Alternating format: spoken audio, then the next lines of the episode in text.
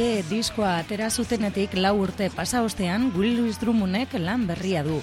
Tabula rasa. Bi urteko geldiunearen ostean, Joseba Beleno hartaldekidea batu zaie, eta estreineko sekoizle batekin aritu dira estudioan. Brack Raid, unek nahaztu zuen eta alabe diskoa, baina oraingoan bertan izan da haiekin grabatzen. Disko hau garai berri baten emaitza da, aldaketa ez josia, zan bide gaine kontatu digun moduan.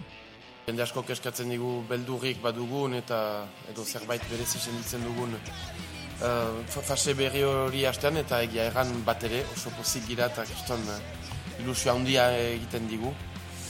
Uh, espero zuek maitatzea eta lagun eta zaleak ere maitatzea, seguraski baiatz. Beraz, lehen aldia da eskoetan dutala gaur, ez nituen ikusi oraindik, orduan egia da emozioa egiten nuela eta duitzen zait oso polita, ez? Ez oso polita? da, da, oso, da oso polita. Eta horregaitik, ba, ba, maiten digu emozio handia handia. Diskoa hiru astetan grabatu zuten Inigo Irazoki taldearen zuzeneko teknikariak duen Atala estudioan. Eta grabatu dugula da imentsia Euskal Herrian irailean, hori izan da pixkat prozesu hori izan da berezia egia ez dugula erabaki aste batetik bestera grabatzea diska hori, baina egia da naiz eta pixkata horretik plan bat egin, nego genuen ez komunikatu horren inguruan eta ez deus esan eta gure hartan egin gauza lasaiagoki egiteko eta batez ere hori presionerik eta ez geuz deus iragartzeko aurretik. Eta behin diska amaituta, beharrik eh, konten ginen diskarekin eta, eta beraz eh, kaleratu genuen lehen txingela eta, eta kaleratzea fin, data bat finkatu biharkoa. Lan honetan zerikusi handia izan du Brack Raidek, Kanadan jaiota baina Australian bizi den ekoizlea. Benan izan zen eta taldeko bosgarren kide bihurtu zen. Ba, Burke uh, Reed da ahalabe gure aurreko diska nahasi zuena. Felix sartu zen harremanetan berarekin. Gustoko ditugulako banda batzuen diskak grabatu eta ekoiztu zituelako. Mm, eta guretzat gehien da, zeintzuk bai. Guretzat importantena da The Drones, uh, eta uh, egin ditu geroztik beste pila bat. Egin du Courtney Barnett, orain Kriston Fama ari den uh, lortzen uh, neska gazte hori. Egin du ere Midnight Oil kanta, en kantariaren Phil Garrett, Phil Garrett? Peter Garretten diska. Eta produkzio mailan gustatzen zizaigun egiten zuen dena. Eta Felixek bidalizion e-mail bat, azalduz nor ginen, nundik heldu ginen, zer egiten ginuen, eta eta entzun zuen, eta animatu zen, eta egin zigun alaberen asketa, baina internet, ba, ez ginuen inoiz elgarri ikusi. Eta gusto, gusto, gustatu zitzaion zera ezagutzea Euskal Herria, ez zuen behin ere entzun ere existitzen zenik Euskal Herria gure munduan, eta ikustea musikaren aldetik komunikatzen alginuela pila bat, ba animatu kasu maiten dituzu golpe. E, konturatu zen hori komunikatzean e, musikaren aldetik ba, lagun bilakatu ginen. Etorri zen oporretara duela hiru urte Euskal Herriat Felixen etxera, eta hor, ja, lagun, lagun bilakatzeko azken etapak pasatu genituen, eta orain lagunak gira. Eta egin ginuen, ba, zera basoak altzatu genituen urrengo diskorat eta etorri delarik eh, urrengo diskoaren eh, gogoa gure artean naturalki eskatu diogu, izan da antolatu agenda, bera ekoizle gisa lan asko eta bidai asko egiten baititu. Eta azkenean etorri da eta, eta gurekin lan egin dugu. Lan egin du. Gero, bigarren zer, zer, zer aldatu duen ez, nahi zinuen jakin. Aldatu duena da lehen aldikotz kanpoko bat etorri da, baina ez da kanpoko bat, azken finan bilakatu da taldekide bat uh, egunez, eta usut hori dela interesgarri olako produkzio batean, da sartzea denbora mugatu batekin, leku batean, eta denbora pasatu tipuarekin. Eta azken finan zuk jotzen dituzu dituzun kantak, eta berak azpimarratzen du, edo ez dakit uh, argitan ezartzen du, bere ustez interesgarriena dena taldean, eta beraz taldearen mamia edo esentzia dena, eta eta iduitzen zait oso ongi egin dola. Naizta batzutan e, izaten alda daiko gorra musikari bezala, zenta ez, ez dira beti respetatzen, efen, ez, da, ez dira gauzak ateratzen zuk pentsatzen zuen bezala, Baina gero hartzen zira tipoak atera duela, behar ba, erakusten dutela hobeto, zuzarena, zer zaren, eta, eta hori oso interesgarria da.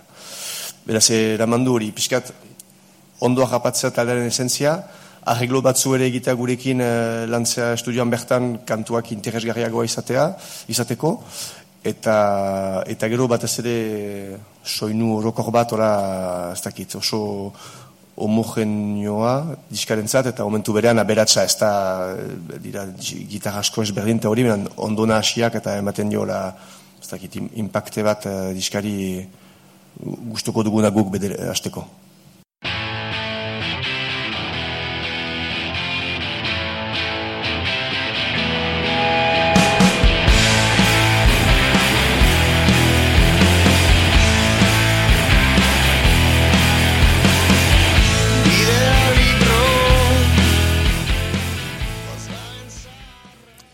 Zaila da beti uh, hitz egitea zure musikaz nire ustez. Eta, eta azaltzea, ez dakit, alaben badira ala ere maitasun eta no, laguntasun eta, eta kantua irosak diskontan berdin miluntasunera joan gira, baina ez dut, ez dut uste izan denik uh, gure helburu bat edo edo ez dakit uh, super zaila da erantzutea berkatu. nik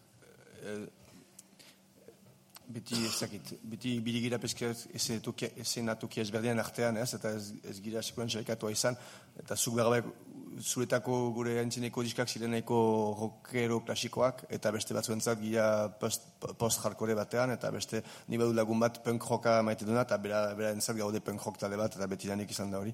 Beraz gu, azken finan, e, musikaren zat, e, soinuaren zat, musikaren zat bezala ez, dugu hain zinetik gauzarik pentsatzen, azken finan egiten dugu gauzak, eta ez dakit, hor lan ditugu alibidez eh, gitarren soinua, kanpliak eh, modu batean, eta konten ginen honekin, hasi gira diska honekin, eta, eta fet, azken finean diska bat, e, istante bat ahapatzea, eta momentu horretan hori ginen, eta horrela soatzen diska, zuk zaten, orain izango da kritikarien lana, edo esatea ilunagoaren, edo rock klasikoa edo zakitzen, guk ez dugu galdera hori gauzatzen gure buruari.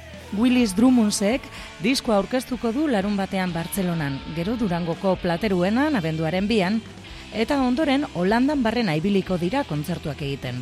Durangoko asokari begira taldeak aurreko diskografia osoa berrar gitaratuko du eta argitaratu gabeko kanturen bat ere zartuko dute. E, zuzenean esiko gara jazte honetan bertan e, disko hau e, aurkezten, Lenda biziko kontzertua izanen da larun bat honetan e, Bartzelonan Euskal Etxeak bertan e, antolatzen duen EH Sona jaialdiaren barrenean, Rasmatas aretoan, irugarren e, aretoan. Eta hortik ja ibiliko gara Euskal Herritik eta kanpoan baita ere.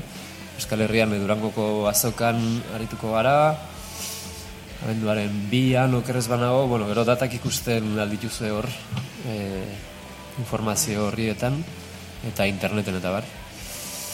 Eta hortaz gain e, Bilboko antzokian hemen arituko gara abenduan ere bai, inoren eroni taldeakin batera, zera donostin ere bai, iparraldetik e, arituko gara biarritzen eta espez undureinen, eta bueno, gero azpeiti eta bar, Euskal Herrian zehar, eta gero badugu baita ere, e, bira txiki bat Holandan, e, abenduaren hasieran hiru kontzertuko bira txiki bat, eta bueno, hori hasiera bateko plana, gero plana da Euskal Herrian jarraitzia, jotzen, eta baita ere horrelako irtenaldiak egitea, bai Espainia, Espainiar estatutik, eta Frantzia, eta Europara, eta Aietzen garen. mundu zabalera. Hori da. Mugarik, bat ere mugarik jarri gabe. Ilargira ere behar balin bada, joan gara jotzera. Oh, ba, igoitugu bi kanta, bederen, uh, direra bi singolak, beraz lehena da atabazka, dola bi haste argiratu genuela, eta orain modu akustikoan, egan dola den.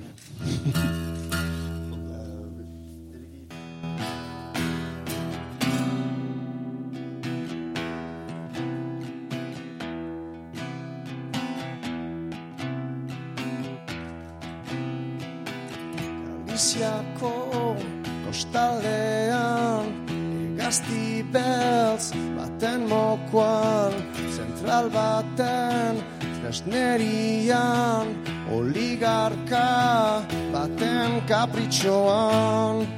Non, non, non, non Atabazka kolurpean Jostailu hil zaile batian Banku bateko xutean Eren mundu rako botiketan Non, non, non, non Erokeri untan jarraituko duen azken katerpilaren depositoan. Parpolo urtu batetik pasatuko den itxasontzi halke gabean. No, no, no, no.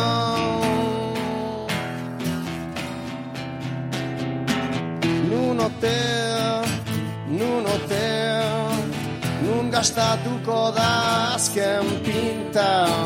Nun hotel, nun hotel Nun gastatuko da azken pinta. Sansa Sansa Sansa. Nun hotel, nun hotel. Nun gastatuko da azken pinta Nun hotel, nun hotel. Nun gastatuko da azken pinta. Sansa. Sansa. Sansa